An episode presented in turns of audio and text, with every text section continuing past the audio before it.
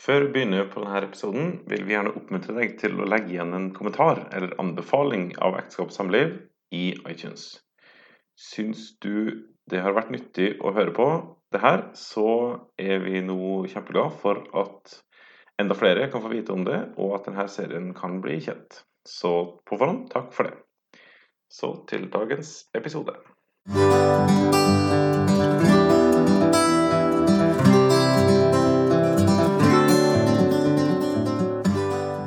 Til denne podkasten om ekteskap og samliv, som presenteres av den kristne ressurssida foross.no.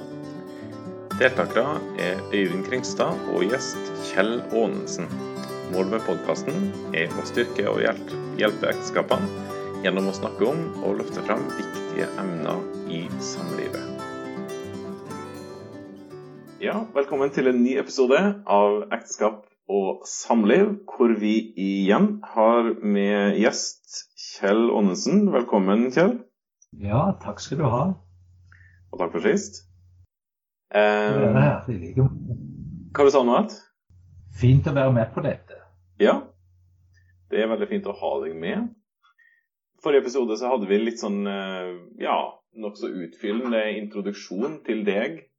Eh, Men for å referere kort til det vi sa da, så er du altså forfatter av boka 'Samlivets verktøykasse', inspirasjonsbok for ektepar, som har vært en eh, ja, til inspirasjon, rett og slett, til denne podkastserien og undervisninga om ekteskap og samliv for meg og Elisabeth. Eh, Du har eh, drevet med samtale, sjelesorg, terapi hele ditt voksne liv, både i Norge og også to, på, litt inn på 2000-tallet i Mongolia. Og er der fortsatt en to-tre ganger i året. Har vært gift i 46 år og er eneste i din familie i tre generasjoner som fortsatt er gift med samme kone og er bestefar. Det var ganske bra oppsummert, var det ikke det? Ja, det var veldig godt oppsummert. Og så hadde vi en eh, spennende episode sist, hvor du fortalte litt om måten du jobba på, og ja Der kommunikasjon kanskje gikk igjen som den store, liksom Det viktigste å jobbe med, da. Og hvordan vi forholder oss til at vi er forskjellige. Og det skal vi fortsette litt med nå, men kanskje gå enda litt mer konkret til verks, da. Men eller ikke, ikke men, men òg jeg har et spørsmål som jeg har lyst til å liksom begynne med da. Eh, hvis og når man er frustrert og såra, eller eh, man opplever sine behov ikke møtt, i hvilken grad eh, skal man eh, gå videre med det til sin ektefelle? Skåne eller ikke? Tie eller ikke? Ja, fortell litt om det. Ja, eh, la meg bare først si at det er ingen av oss som klarer å leve i et samliv eller familieliv uten at vi innimellom blir skuffa eller frustrert eller såra. Mm. Det skjer for oss alle sammen, og det skjer òg i arbeidslivet på arbeidsplassen. Og særlig da i ekteskapet. Eh, og eh, uten tvil, sånn som jeg ser det, så må man ikke tie med det, men man må ta det opp. Når, når den ene, la oss si når, når mannen eh, i et ekteskap eh, er skuffa eller frustrert eller såra, men før han har sagt det til kona si, da har det ekteparet en konflikt. Men det er bare den ene som vet om det. Ok. Eh, ja, de har en konflikt. Eh, og den konflikten, den vil vokse hvis det ikke blir satt ord på det. Så hvis mannen ikke sier noe, hvis han vil skåne kona si, eller han eh, tenker det blir bare krangel hvis jeg tar det opp, eh, så han lar være å si det. Eller han er en person som eh, ikke liker å si ifra når det er ting han eh, syns er ugreit, så han tier stille Mm. da, da vokser den frustrasjonen eller skuffelsen eller sårheten inni ham. Og det det i hvert fall fører til, det er at det da blir en følelsesmessig avstand som vil vokse i forhold til, til kona. Mm. Eh, så enten, enten, hun merker det eller ikke, så blir det en, en større, og etter hvert kanskje enda større eh, følelsesmessig avstand eh, mellom han og kona. Fordi han bærer på noe inni seg som er ugreit, og som han er, ikke syns var bra kona gjorde, eller så. Ja, så, det, det, for, så en, en konflikt er altså til stede uten at begge vet det? Ja, det er det. Det er definisjonen på en konflikt. At når den ene er skuffa eller såra eh, eller frustrert mm. før vedkommende har sagt det til den andre, så har de to en konflikt. Mm. Og sånne konflikter de er en ikke bare en naturlig del av livet og samlivet, men de er en nødvendig del av livet og samlivet. Fordi vi er jo forskjellige. Og vi har forskjellige behov og ønsker og forventninger og verdier og meninger. Og da vil det ofte bli, ja daglig bli konflikter. Men det betyr ikke at alle konflikter trenger å bli vonde og vanskelige og usunne. Overhodet ikke. Men Det kommer an på hvordan en håndterer dem. Mm. Eh, og mange håndterer konflikter med å tie da vokser konflikten under overflaten og skaper altså en følelsesmessig større og større avstand. Eller det bygger opp en større og større frustrasjon som til slutt kommer ut i, uh, i kjefting eller uh, aggresjon eller, eller uh, andre sterke følelsesladde uttrykk. Og da er det fordi en har samla opp i seg mer og mer, og den frustrasjonen hadde fra én situasjon, den, den, har vokst, og så kommer ut gjerne knytta til andre, gjerne mindre ting som skjer. Enten skaper avstand, følelsesmessig avstand, eller det bruker seg opp til en kraftig og en uh, lite konstruktiv konfrontasjon. Ja, og her kommer jo personlighetene våre inn som på en måte avgjør hvem av de her to uh, utfallene som det blir, er det ikke det? Altså, Noen av oss har en tendens til å fortie mer, mens andre er veldig sånn uttrykksfulle og lar det eksplodere, liksom. Ja, det er det. Eh, det snakkes jo Det, brukes i dette tre-fire dyr, og det ene dyret som eh, en legger merke til, det er det som kalles løve, som går til gjerne ikke fysisk angrep, men til verbalt angrep på den andre. I sinne og aggresjon. Eh, noen vil vite at de er gift med en løve, eller at de sjøl er en løve. Mens andre er f.eks. hare. Reddhare som bare eh, tier stille og trekker seg tilbake uten å si noe av frykt for å skape ubehag eller at det skal bli en vond situasjon. Mm. Eh, så, så, her reagerer vi ut fra innarbeidede mønstre og kanskje noe av den familiekulturen og dynamikken vi vokser opp i. Enten som løve eller som hare. Det er jo andre varianter, men det er de to vanligste, kanskje. Mm. Så det som eh, Og verken løvemodellen eller haremodellen er sunne. Og hvis en kjenner seg igjen i en av dem, eh, så går det an å endre og det sunne, det er å ta det opp så snart som det er praktisk mulig med ektefellen sin på tomannshånd. Ta det opp mens det er lite og, og relativt ferskt når en er på tomannshånd. Ja, du sier ta det, opp, ta det opp så snart som det er praktisk mulig. Hva, eh, når er det ikke praktisk, da? Nei, det kommer jo an på hva det er. Men ofte vil det jo ikke være praktisk eh, og riktig mens ungene fortsatt er i rommet i stua, f.eks. Det og det gjøres det nok, eh, det syndes nok en del imot. Men ungene skal ikke bli en del av foreldrenes konflikt og problemer. De skal, de skal slippe det. Så da er det ikke praktisk mulig før ekteparet er for seg sjøl, enten etter at ungene har lagt seg, eller de er ute og leker. Eh, eller at en sier at nå trenger mor og far litt tid for seg sjøl, så nå går vi også en liten tur, eller vi setter oss opp, opp i loftstua. Mm. Eller hvis en har besøk, eh, så tar en det ikke opp da heller, hvis det er en sak av betydning. Men en venter til en er alene. Mm. Um, men eh, jeg syns det er veldig jeg, jeg syns det er veldig verdt å snakke om akkurat det her, Kjell, med at den ene kjenner på noen ting, men så virker det iallfall ikke utad som at den andre har registrert noen ting, eller på en måte syns at det er noe verdt å ta tak i, eller et eller annet sånt. For når, når, begge to er klar over at her er det jo noen ting, da er det litt annerledes. Da er man på en måte litt mer sånn Da kommer det ikke sånn overraskelse hvis den ene bringer det på banen. Men det der med at det er bare den ene, eh, hvordan eh, kan man eh, særlig forholde seg til det?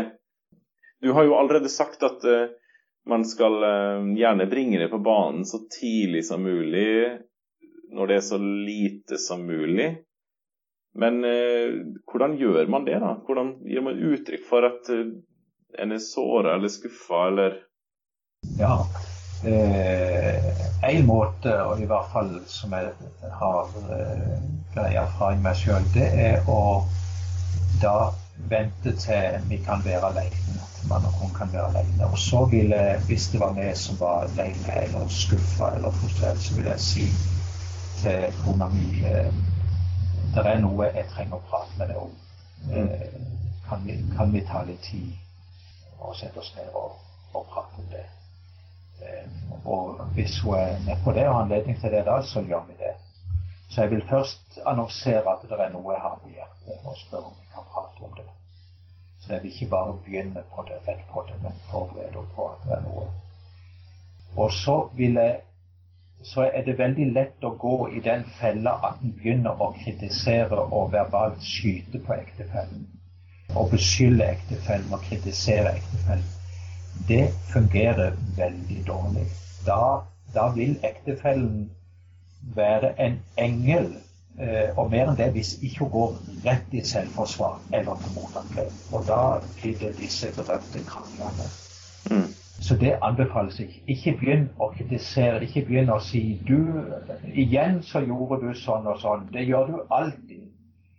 Aldri kan du sånn og sånn. Eh, det er ganske vanlige, men helt umulige måter hvis en vil nå frem eh, til ektefellen på en god måte. Så i stedet for du-budskap, du gjorde, du sa, du gjør alltid, du gjør aldri. I stedet for det, snakk i det som kalles jeg-budskap. Og snakk om følelsene dine. Jeg ble, jeg ble lei meg i dag da, da vi satt og snakket sammen. Og jeg fortalte noe som var veldig viktig for deg. Og så satt du bare og så på PC-skjermen. Og du skrev til og med. Jeg ble rett og slett såra. Altså, snakk om følelsene dine og det som skjedde som gjorde at det ble vanskelig. Snakk i jeg-budskap. Mm. Eh, snakk tydelig eh, i jeg-budskap. Prøv å ikke gjøre det for langt, men så kortfatta som det er mulig å få det til. Og så spør eh, ektefellen eller venter ektefellen for kommentere, for å kommentere det. Mm. Eh, og da, da, kan, da kan ektefellen gå i selvforsvar da også og si f.eks.: Ja, men du sitter jo mer med PC enn jeg, jeg, jeg gjør. Så det vil òg kunne oppstå da. Men sjansen for at det kan bli en konstruktiv samtale, er bedre hvis en snakker i jeg-budskap og uttrykker følelsene sine, hvorfor en ble skuffa og at en ble lei seg, enn hvis en skyter på og bare kritiserer. Mm. Så snakk om egne følelser. Og da kreves det jo Derfor er kommunikasjon så viktig. og og kan en bruke boka som jeg har skrevet til å jobbe med kommunikasjon, så er det veldig bra. Eller andre hjelpemidler. For da kreves det jo at den andre ektefellen at vedkommende kan klare å lytte eh, til det, den sårede ektefellen sier, uten mm. å gå i selvforsvar eller å bedekte, f.eks. Eller uten å gå til et Og så hjelper det vel òg, gjør det ikke det, og på forhånd, sånn uten at det egentlig er snakk om en konkret sak eller uh, hendelse eller situasjon eller noe som helst konkret. Det er bare en overordna måte jeg og du forholder oss til at man har snakka om det at man vil hverandre vel, holdt jeg på å si. Altså at hvis jeg sier til uh, Elisabeth uh, det kommer til å skje at jeg sier ting eller gjør ting som du oppleves sårende eller skuffende, men som jeg ikke nødvendigvis eh, ser, og som jeg ikke opplever. eller som ikke gjør med vond vilje nødvendigvis, men da vil jeg gjerne at vi skal snakke om det og måtte få ordne opp i etterkant tenker jo at Hvis man har snakka om sånne ting på forhånd, sagt det uttalt, så er det jo lettere å, å ta og, og, bringe en sånn altså Da er det lettere å komme med de konkrete tingene når det kommer også. Absolutt. Det, det er helt enig med deg. Hvis en kan gjøre det til en sånn leveregel i samlivet at er det noe hos den ene eller den andre så ønsker vi begge to at det skal bli tatt opp så snart som det er anledning til det. Ja. Et litt uh, annet spørsmål, men som er på en måte litt oppfølgende. Hvis det ikke er egentlig noe sånn helt konkret som er feil, eller uh, som er sårende, eller et eller annet sånt, men den ene sitter likevel med en følelse av at det her uh, forholdet er ikke liksom eh, så godt som det gjerne kunne være, eller ønske at det var noe annet. Hvordan kan man uh, gå fram da? Um, ja, igjen så handler det om at det er den som kjenner at skoen trykker et eller annet sted, uh, enten det er i veldig konkrete ting eller mer generelt, den uh, har mulighet og ansvar faktisk for å ta det opp med ektefellen mm. på et, eh, et, gunstig tidspunkt. Og det, det, er nok at den ene føler utilfredsstillelse for at det er både verdt å ta det opp og veldig viktig å ta det opp. Ja, så man skal ha frimodighet til å gjøre det hvis Absolutt. man opplever det sånn? Absolutt. Her er det noe, hvis jeg skal si ut fra egen erfaring jeg sa vi har vært gift i, i 45-46 år snart. Eh, og vi har hatt masse konflikter. Vi har mye færre konflikter nå. og Det er vel fordi vi har masse læring og modning og alder på oss. Men, men vi har hatt masse konflikter. Det vi har bl.a. vært veldig gode på, det er nettopp det å ta opp tingene og, og snakke ut om tingene.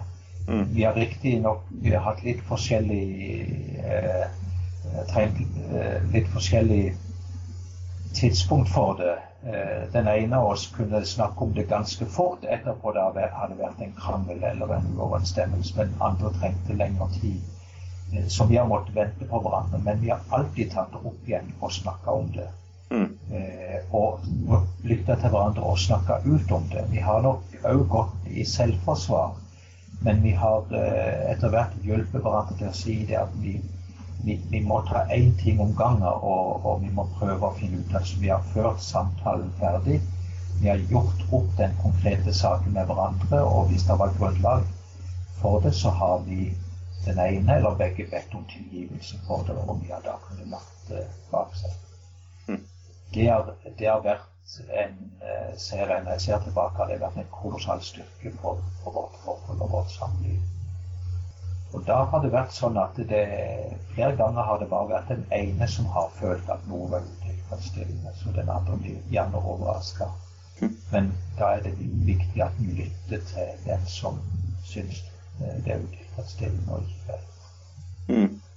Og en ting jeg oppdaget som, som ung ektemann, det var Nå skal ikke unge ektemenn her ha for store forventninger på det forskjellige, men jeg oppdaget det fra en veldig ung ektemann at etter et sånt godt oppgjør hvor vi virkelig hadde fått snakka ut med hverandre, og hadde fått gjort opp med hverandre og bedt om tilgivelse og gitt tilgivelse, så la det til rette for de aller nydeligste romantiske, eh, intime stundene. Så jeg fant ut det var nesten sånn kunne bli frista til å spekulere. jo, men det er jo også litt eh, Nå har vi hatt en egen episode om sex og intimt samliv, som vi måtte kalle den episoden. da. Eh, det vi ikke sa så mye om der, men som likevel er en sannhet, er jo at menn og kvinner har forskjellige skal vi si, triggere for hva som eh, føder lyst i oss. Der eh, menn ofte har det visuelle og kroppslige, mens eh, kvinner oftere, iallfall, da, har det å oppleve seg sett og, og elska og tatt vare på og tryggheten liksom i det. Og det er jo på mange måter det som uten at man skal spekulere i det, som du sier, eh, så er det jo på mange måter det som, som skjer når man uh, uttrykker de her eh, dypere tingene overfor hverandre som ikke nødvendigvis er så greit, men som, som likevel er nødvendig å komme til rette med for at man på en måte skal komme i plan da, med hverandre. Er ikke det litt av det som er poenget i år? Si, at man skal vite hvor hverandre er hen i forhold til oss som par. Absolutt. Og rense lufta når den er blitt forurensa av vanskelige ting. Mm. Du, vi skal eh, fortsette samtalen neste gang med hvordan man eh, ja, enda mer konkret hvordan man kan gjøre det der når forskjellene er store. Og eh, hvordan man skal tenke i forholdet til sine egne foreldre og svigerforeldre, og hvordan man også kan elske når følelsene er borte. Så tusen takk for den samtalen nå, Kjell. Og så høres vi igjen neste gang. Ja, takk i like måte. Takk for følget denne episoden. Finn flere ressurser, og vær gjerne med og støtte oss på foross.no.